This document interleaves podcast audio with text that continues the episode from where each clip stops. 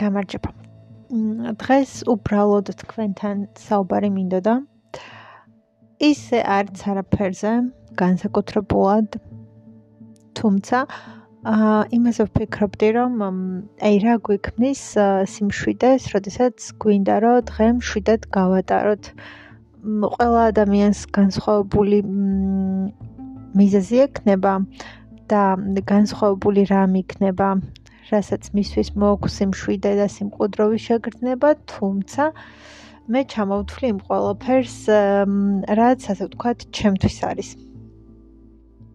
მ ხანდახან არის ხოლმე დღეები, როდესაც გადაუწყვეტ, რომ აი მოდი დღეს ძალიან მშვიდად გავატარებ და უფრო მეტად ვეცდები, რომ რაღაცნაირად ჰარმონიული დღე მქონდეს და ვცდილობ, რომ ვცდილობ, რომ ასეც მოვიქცე. აა ხო ეს კონკრეტული ეს კონკრეტული ჩანაწერი ალბათ უფრო მეტად გაგაცნობთ ჩემ თავს რაღაც კუთხით ვიდრე ის რომ რაიმე კონკრეტულ თემას ეხება. აა ამიტომ ვისაც დიდად არაინტერესებს და უფრო მეტად კონკრეტულ თემებს უსმენს ხოლმე და მათზე ჩემს შეხედულებას შეუძლია რომ არ მოისმინოს და დრო არ დაკარგოს. მოკლედ, როდესაც მინდა ხოლმე რომ უფრო მეტად მშვიდი დღე მქონდეს, ვრჩები სახლში. და ერთ-ერთი რამ, რასაც ჩემთვის პირადად მოაქვს ძალიან დიდი სიმშვიდე და სიმშვიდის განცდა არის ჩემი ნივთების დაალაგება. აი ძალიან მიყვარს. ძალიან ძალიან მიყვარს და მამშვიდებს, მაწყნარებს და აი შემიძლია რომ რაღაცნაირად საათობით ვალაგო. ძალიან მიყვარს ჩემი ტანსაცმლის დაალაგება და ყოველთვის მაქვს ყველაფერი დაკეცილი, ძალიან ესე სიმეტრიულად, ლამაზად. ამ ჩემი ციგნების დაალაგება მიყვარს და ჩემი პირადი ნივთების აი ეს უფრო მ საკანცელარიო ნივთებიც რაც არის და დღიურები, რვეულები, ბლოკნოტები, რავი, ყველაფერი რაც მაქვს და მათ შორის ჩემი ციგნები, ამ ყველაფრის დაალაგება მიყვარს. ჩემი ლეპტოპი უმეტესად დაალაგებულია და არ საჭიროებს ხოლმე არ არ მაქვს ასე ვთქვათ არეული და ქაოტური.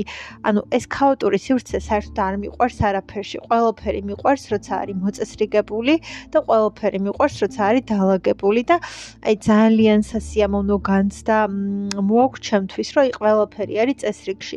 ყველაფერი არის მოწესრიგებული და ყველაფერი არის დაალაგებული. აი ეს მომენტი ეს მომენტი ყველაზე მეტად მომწონს და ეს მომენტი ყველაზე მეტად მსიამოვნებს. ხო, და ნუ მათ შორის ეს ჩემს რაღაცებს ვალაგებ ხოლმე. და ძალიან მომწონს და ძალიან მსიამოვნებს და არ მბეზრდება და არ მწყინდება და ეს პროცესი მოკლედ ძალიან სასიამოვნოა. კიდევ აა როდესაც მინდა რომ დღე გავატარო მშვიდად, აა ხანდახან სახლში ვრჩები ხოლმე, აი ესე სახლში დავრჩები რაღაც ჩემს რაღაცებს მოვაწესრიგებ და მივალაგებ. და ზოგადად აი ამ მოწესრიგებას მოქვს ძალიან კარგი განცდა, რომ აი რაღაცები ყველაფერი გავაკეთე, მოვაგვარე, მოვაწესრიგე, რაღაცნაირად მოვიყვანე ფორმაში წესრიგში და აი შემდეგ უკვე მაგ იმის განცდა, რომ დღე რაღაცნაირად კარგად და პროდუქტიულად დაიწყო, იმიტომ რომ აი ჩემი რაღაც მიზნები და ასევე მოვალეობები შევასრულე. და თითქოს აი დანარჩენებსაც ასევე თიქ თიქ თიქ თიქ დღეს ბოლოს თითქოს აი ესე ჩა ჩაწიკწიკდება და ჩალაგდება. აა ხო და რჩები ხოლმე სახლში რაღაცებს დავალაგებ გადავხედავ რაღაცებს. შეიძლება ასეთ დღეებში ესეთი პოდკასტის ეპიზოდიც ჩავწერო.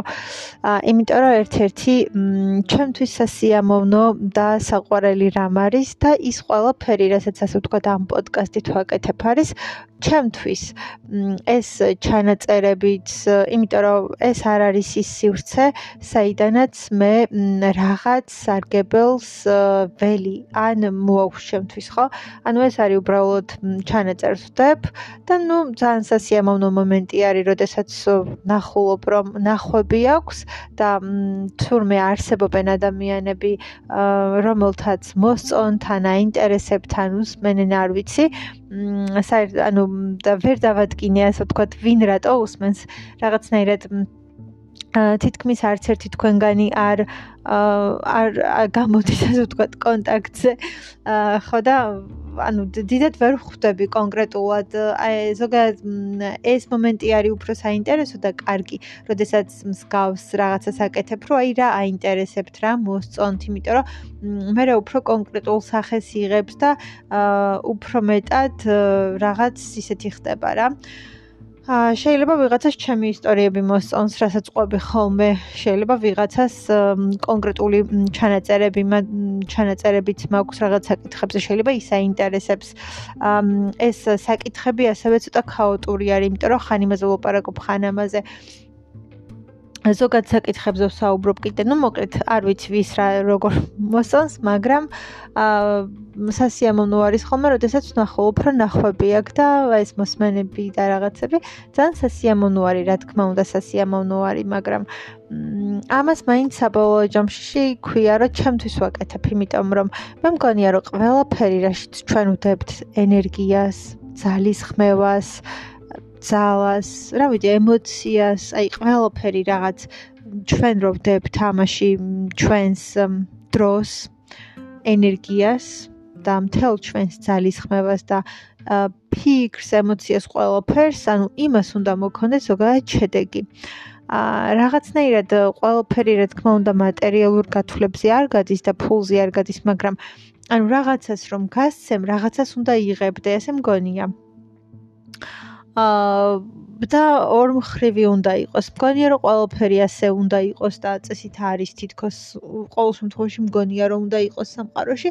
ყველაფერი მთლად ასე არ არის დაალაგებული, მაგრამ ნუ ყოველ შემთხვევაში და მეტნაკლებად მეც კაი არის, როდესაც რაღაცაში აი ამ ორ მხრივობას ასე ვთქვათ, გრძნობ რა.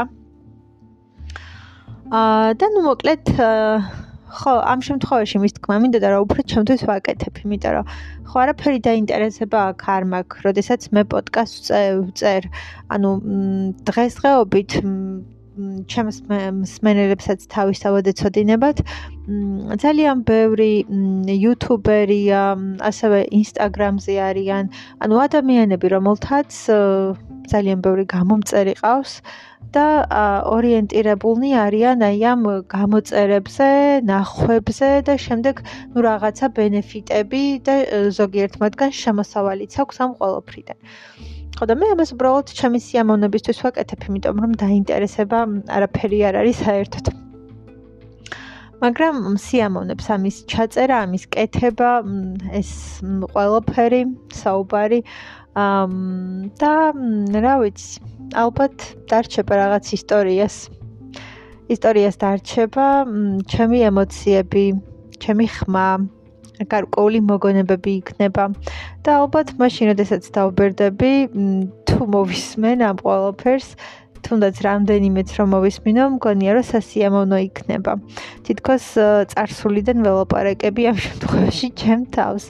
ამისთვის არ უწერა თქმა უნდა, მაგრამ რაღაც მგონია რომ ძალიან ბევრ რაღაცას გამახსენებს ეს თითოეული ჩანაწერი. თუნდაც მე მოვისმენ.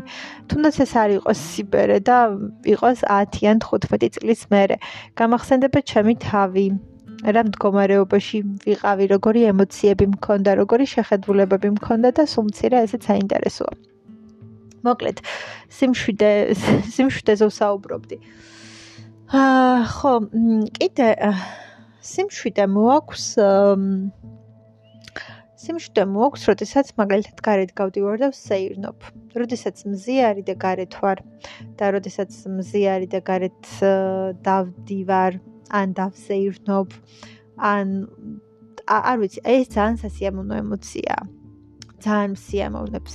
მსიხივები რომ ხვდება სითბოს რომ გრძნობ და სეირნობა ძალიან მიყვარს.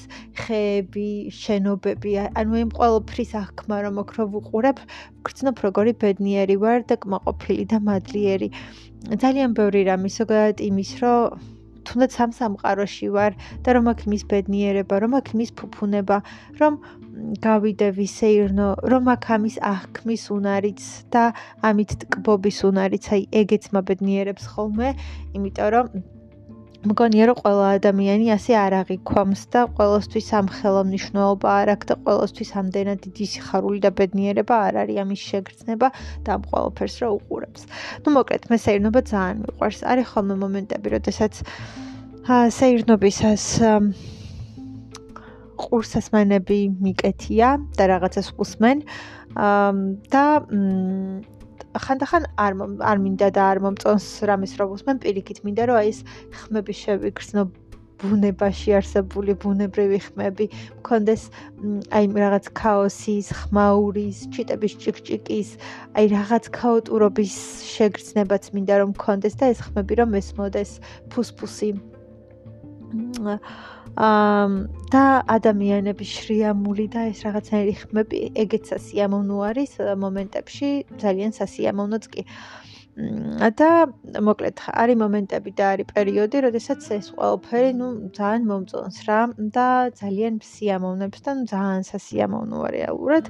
აი რომ დავდივარ და ვსეირნობ და ეს ყველაფერი რომ მესმის ძალიან ძალიან კარგი ემოციის მომტანი არის ჩემთვის.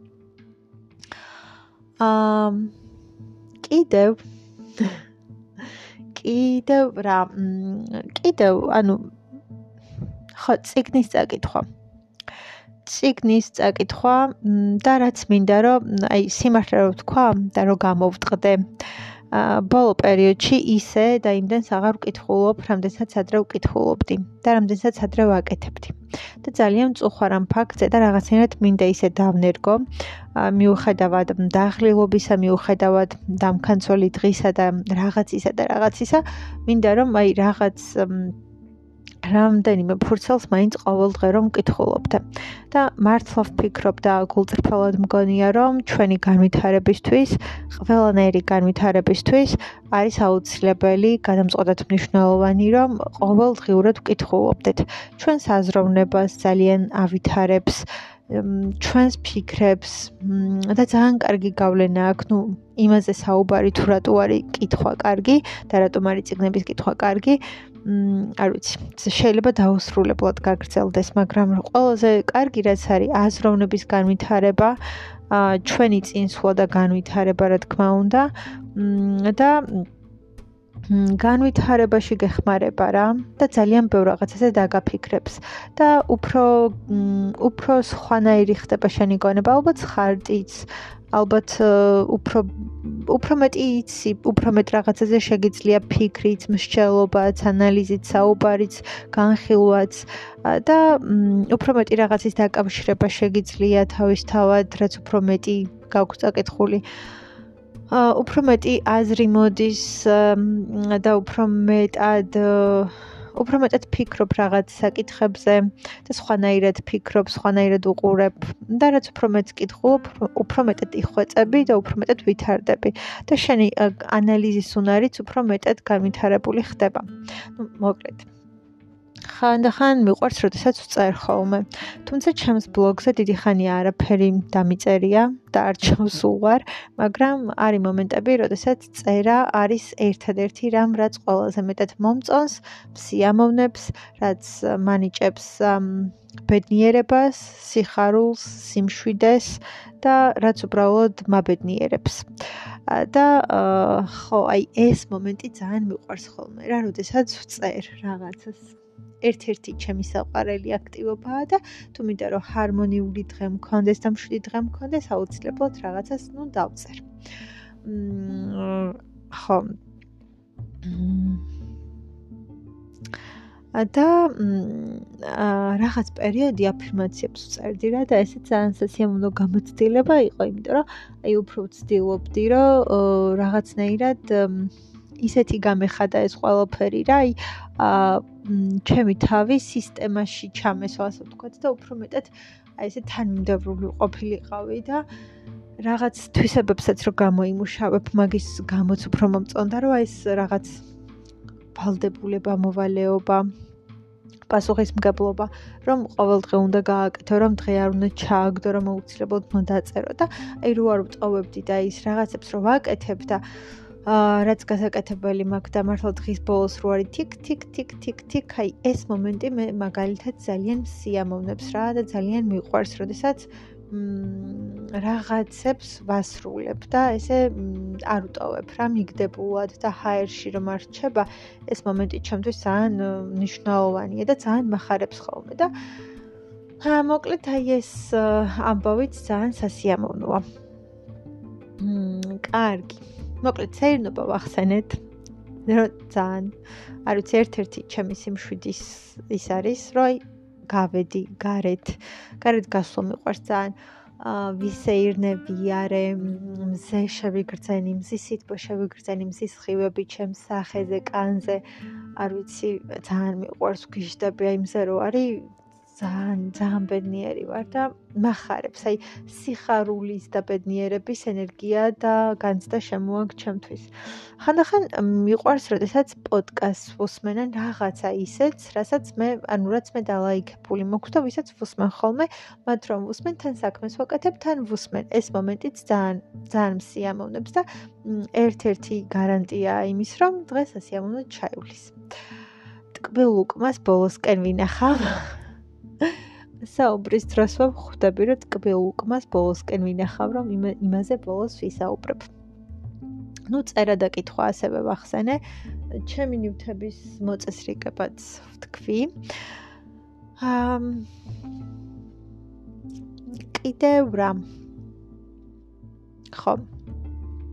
ეხლა არ მახსენდება სხვათა შორის აი ესე რა არის ის რაც ესე სიმშვიდე და ბედნიერება მოაქ ეხა უბრალოდ არ ვიცი.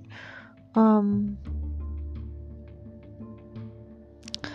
აა რაღაცების გაჩუქებას მოაქ ხოლმე ჩემთვის ბედნიერება და სიხარულის განცდა ნუ ყოველდღე არ ვაკეთებ მაგრამ საკმაოდ ხშირად ადამიანებს რაღაცებს ჩუქნი და ეს ან მომწონს და სიამოვნებს და מחარებს ძალიან სასიამოვნო განცდა არის. მ ყარ რა თქმა უნდა ყოველგვარი მოლოდინების და გათვლების გარეშე. აი უბრალოდ აი ეს მომენტი არის უზომოდ სასიამოვნო და აი სიხარულის მომტანი, რომ ვიღაც ადამიანი გაახარე და გააბედნიერე და კარგი ემოციები მოუტანე. ну ძალიან მიხარია ხოლმე მე პირადად ძალიან სასიამოვნო არის ეს ყველაფერი და ну მოკლედ კარგი ამბავია. კიდევ რაღაცების ყიდვა მიყვარს ჩემთვის. და ეს პატარ-პატარა რაღაცებიც מחარებს. პატარა დეტალები და პატარა, რავი, რაღაცები რა. ხო. ეგეინც ძალიან მიყვარს. კიდევ აა კიდევ რას მოაქვს ესეთი კარგი ემოციები.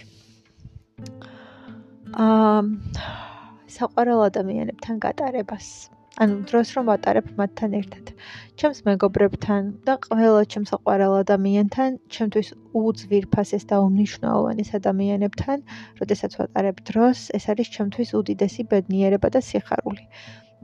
და ძალიან დიდი სიმშვიდით, ბედნიერებით, ყველანაირი კარგი ემოციით მავსებს ეს ყველაფერი და აი რაღაცნაირად ბედნიერების განცდა და სიხარულის განცდა შემოაქვს ჩემს ცხოვრებაში და უბრალოდ თავს მშვიდად და კარგად ვგრძნობ და სიხარულით, ბედნიერებით ვარ სავსე და მათთან ერთად მიყვარს სეირნობაც, სიარული, ესე საათობით შემიძლია ვიარო და ვილაპარაკოთ. არ ვიცი ეს ძალიან ძალიან მიყვარს რა. საყვარელ ადამიანთან გატარებული დრო არის უკიდურესად უზომოდ დიდი ბედნიერება და სიხარული. კიდევ თუ მინდა რომ კარგი განწყობა შევიქმნა და უფრო რაღაც ჰარმონიულ ემოციებზე და ტალღაზე ვიყო ანუ ძალიან მიყვარს მე მაგალითად სუში. აი არ ვიცი ვგიშტები. და სუში სუშის თუ მივირთმევ, აი ძალიან ბედნიერი ვარ, სადმე რომ გავალ და სუშის მივირთმევ, ძალიან კარგი ემოციებით ვივსები. ძალიან მიყვარს. აა ასევე მიყვარს სპაგეტი, მაგრამ ხო არ ვიცი ეგეც აი კარბონარას თუ მივირთმევ, სადმე ასევე ძალიან მომწონს და მიხარია, იმიტომ რომ ძალიან მიყვარს ეგეც. აა ხო, ცხელი შოკოლადი მიყვარს საოცრად და რომელიმე კაფეში, მით უმეტეს კაფე რომ და ადგილი რომელიც ნუ მომწონს, იქ თუ დავჯექი, აი ძალიან ძალიან სასიამოვნოა ეს მომენტი, ხო და მოკლედ ძალიან მომწონს ხოლმე რა, იქ თუ დავჯექი, ძალიან კაი ამბავია. სადმე ჩემთვის აყვარელ ადგილას და ცხელი შოკოლადის მირთმევა ასევე მიყვარს. აა შოკოლადის მილკშეიკი ძალიან და ეგეც ანუ ყველაფერს ერთად არ გულისხმობ რა თქმა უნდა, მაგრამ აი თუ მაგალითად აა შოკოლადის მილკშეიქს მივირთმევ ძალიან ძალიან მომწონს ეგ ამბავი და ეგ მომენტი. მმ ასევე ნუ ხო რა ვიცი. ცხელი შოკოლადიც ძალიან მიყვარს. ამ კიდე ნუ ხო სუში ვახსენე. ძალიან ძალიან კარგი არის, მაგრამ ანუ ეს მხოლოდ რა თქმა უნდა ზოგადად ძალიან ისეთი არ ვარ, აი ძალიან გურმანები და მჭამელები რომ არიან, ეგ ეგ ეგ ტიპაჟი საერთოდ არ ვარ. და ნუ ხა ჭამას მოზე არ არის რა თქმა უნდა. მთელი ამბავი და ბედნიერება, ანუ ზოგადად ისე რომ ავიღოთ, ჩემთვის ხა ჭამას რო თქო ძალიან დიდი ბედნიერება მოაქვს თქო არა. უბრალოდ აი მაგ შემთხვევაში არის გარემო და ვისთან ერთად ხარ და ნუ რა თან ახლა ისეთ რაღაცას მიირთმევან სვამ რაც გიყვარს და რა თქმა უნდა კიდე მოაქვს სასიამოვნო ემოციები და ძალიან სასიამოვნო განცდები და უბრალოდ სასიამოვნო არის ძალიან ეგ ყველაფერი და ნუ კაი არის რა მაგ მხრივ სასიამოვნოა მაგრამ ყველაზე დიდი სიმშვიდე და ბედნიერება მოაქვს საყვარელ ადამიანთან ყოფნას. როდესაც მასთან ერთად ხარ და მასთან ერთად ატარებ დროს. აი, არ ვიცი. ძალიან დიდი ძალიან დიდი სიხარულია. და ძალიან დიდი ბედნიერებაა. არ ვიცი, საოცრად კაია. ანუ აი თუ მინდა რომ დღე გავატარო მართლა ჰარმონიულად, მშვიდად, რაღაც ყნარად. სასიამოვნო ემოციებით და კარგი განწყობებით და კარგი ყველაფრით საყვარელ ადამიანთან უნდა გავატარო დღე. ძალიან კარგად ვიქრცნობ თავს, აი მართლა ბედნიერად, მართლა მშვიდად და უბრალოდ ძალიან, აი ძალიან კარგი ემოციებით ვიქნები. და ზოგადად ჩემთვის ძალიან ის არის რა მნიშვნელოვანი არის ხოლმე, რომ ეს საყვარელი ადამიანი და საყვარელი ადამიანები ასევე ყოველდღე ვნახო და ხშირი კონტაქტი მქონდეს მათთან, ხშირი ურთიერთობა მქონდეს მათთან და ნუ აი ამას მოაქვს ასევე ძალიან დიდი ბედნიერება რა ჩემთვის, რომ აი მათთან დროს ვატარებ, მათთან ერთად ვარ. აა არ ვიცი, ну ძალიან მაგარი ამბავი არის ხოლმე ძალიან.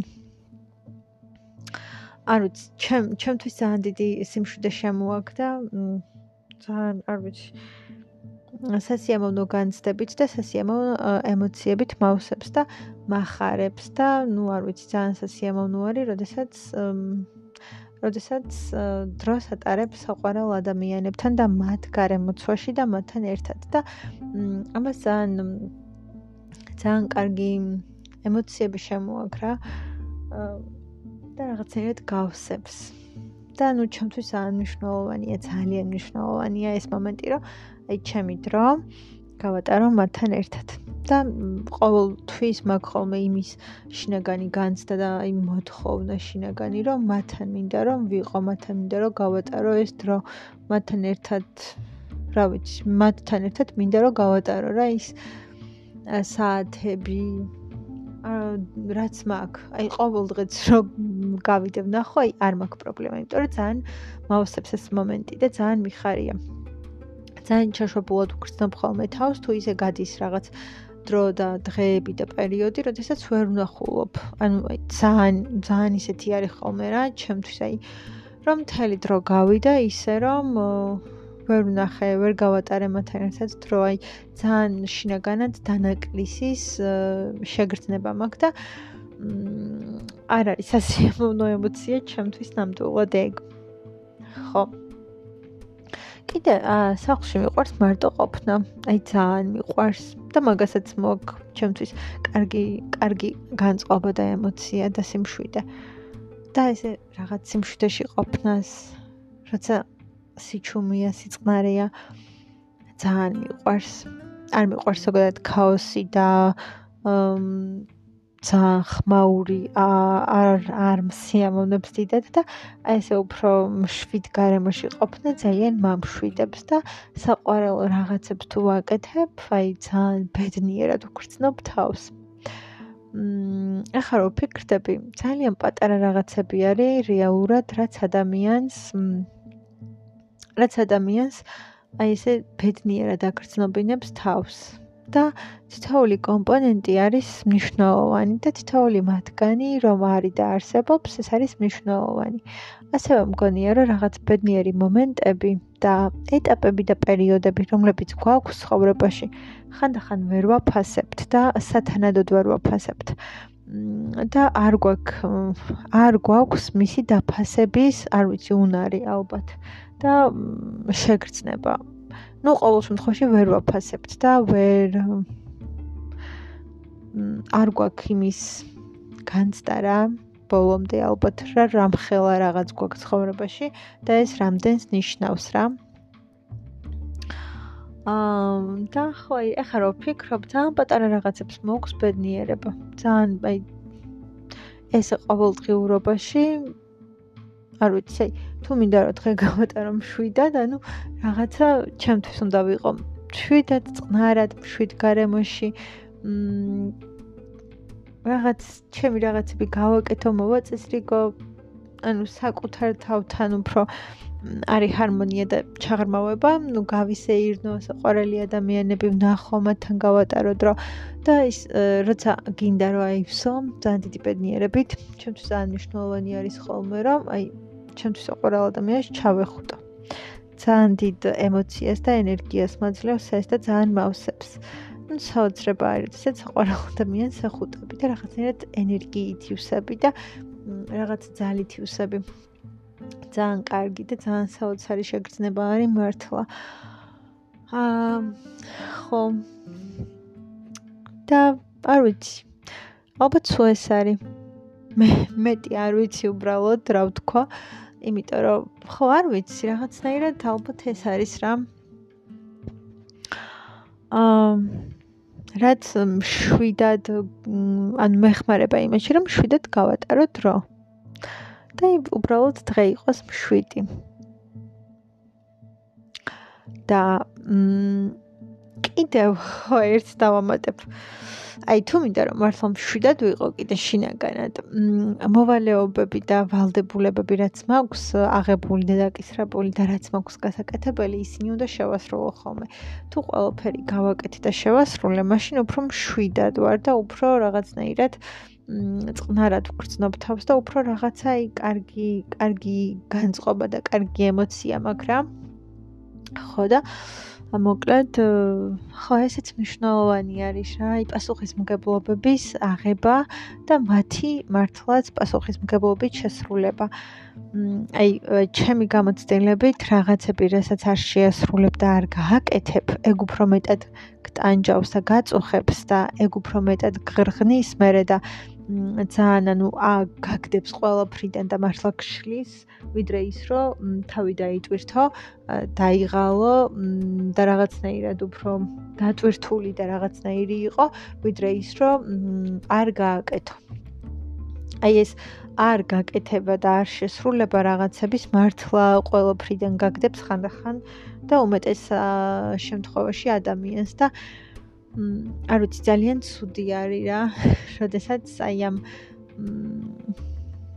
ამ რაღაცებს არაკეთებ და არასრულებ. მართლა ძალიან ცუდი არის, იმიტომ რომ შენზე მგონია რომ პირველ რიგში შენზე აისახება ძალიან ცუდად და ნეგატიურად, იმიტომ რომ მე გაწუხებს, გამძიმებს, შინაგანად მაინც არ გასვენებს და ცუდი ემოციებით გავსებს. ამიტომ ყოველთვის უკეთესი არის რომ ცოტა თუნდაც დაიღალო, დაიტვირთო, და რაღაც, მაგრამ შეასრულო ის, რაც გაქვს გასაკეთებელი და გააკეთო ის, რაც გაქვს შესასრულებელი, ვიდრე არ გააკეთო და ვიდრე ვიდრე ხელი არ მოკიდო.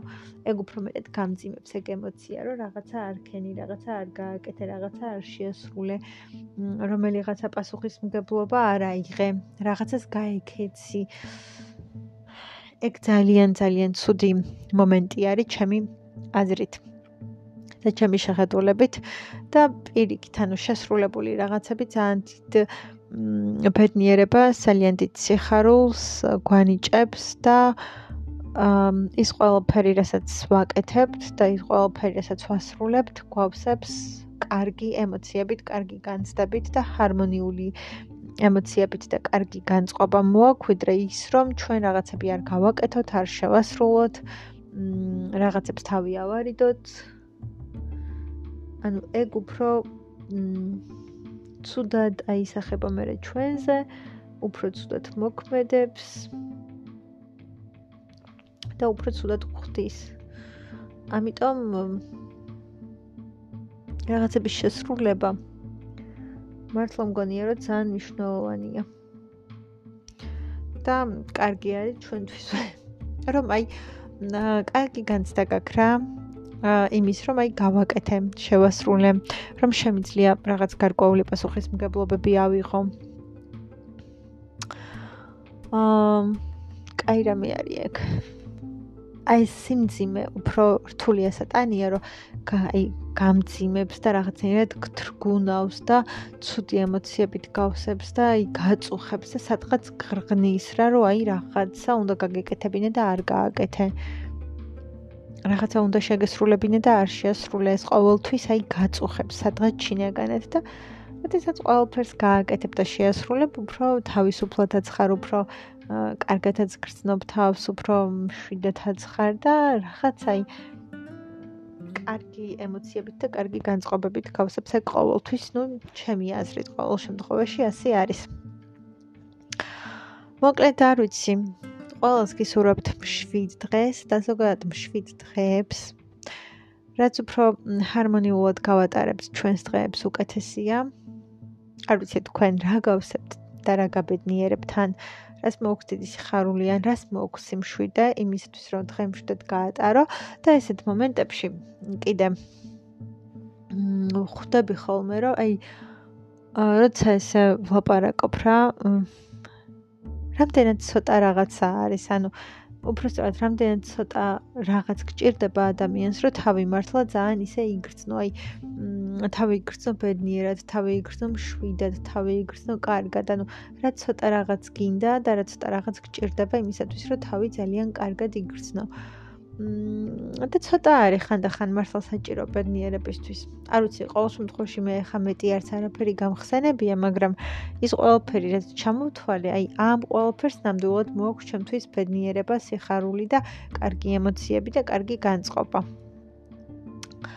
აი მედია თქვენს მშვიდ დღეებსაც დაემთხვევა და თქვენთვისაც ამ ამავე რაღაცებს ან კიდე უფრო მეტ რაღაცას მოქვს სიმშვიდე, სიმშვიდის განცდა.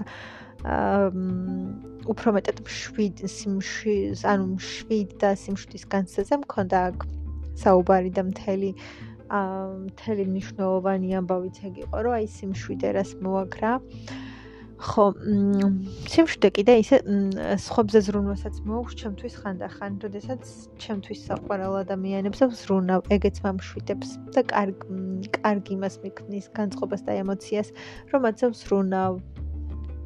რაღაცას ვუკეთებ. ძალიან ძალიან სასიამოვნოა ეგეც. ხო, არ ვიცი. ეს არის ყველაფერი მოკლედ, რაც მინდოდა რომ მეთქვა და გამეზიარებინა თქვენთვის. დღეს იყო მართლა ის დღე, რომელიც მინდოდა რომ შეთეთ გამეტარებინა და თუ დაუფიქრდებით, შვიდი დღეები, ხანდახან თითქოს დიდი არაფერი.